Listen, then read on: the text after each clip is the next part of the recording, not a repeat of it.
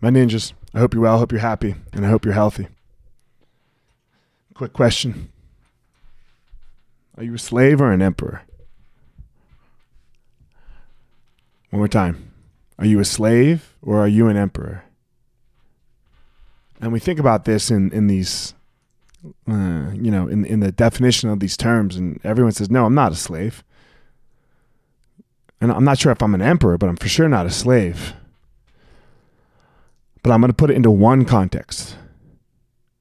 Are you a slave or an emperor of your time?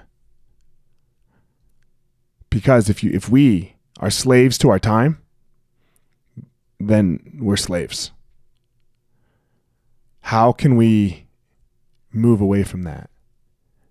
How do you stop being a slave to your time? I know I feel like it sometimes.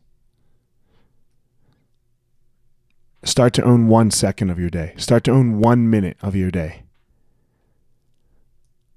Light a candle. Stop and take a breath. Tomorrow, take two. Right in a row. So that you start to own 10 seconds of your day. And then own 15 and then own 20 and then 30 and then 40 and then 50 so that you can get to the point where you own the whole day. So that you become the emperor of your life. So that the day the 24 hours that are in it never control you.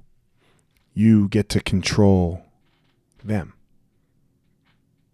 Because you're controlling each and every second and when you stop being a slave to your time and you become the emperor, you will find your power.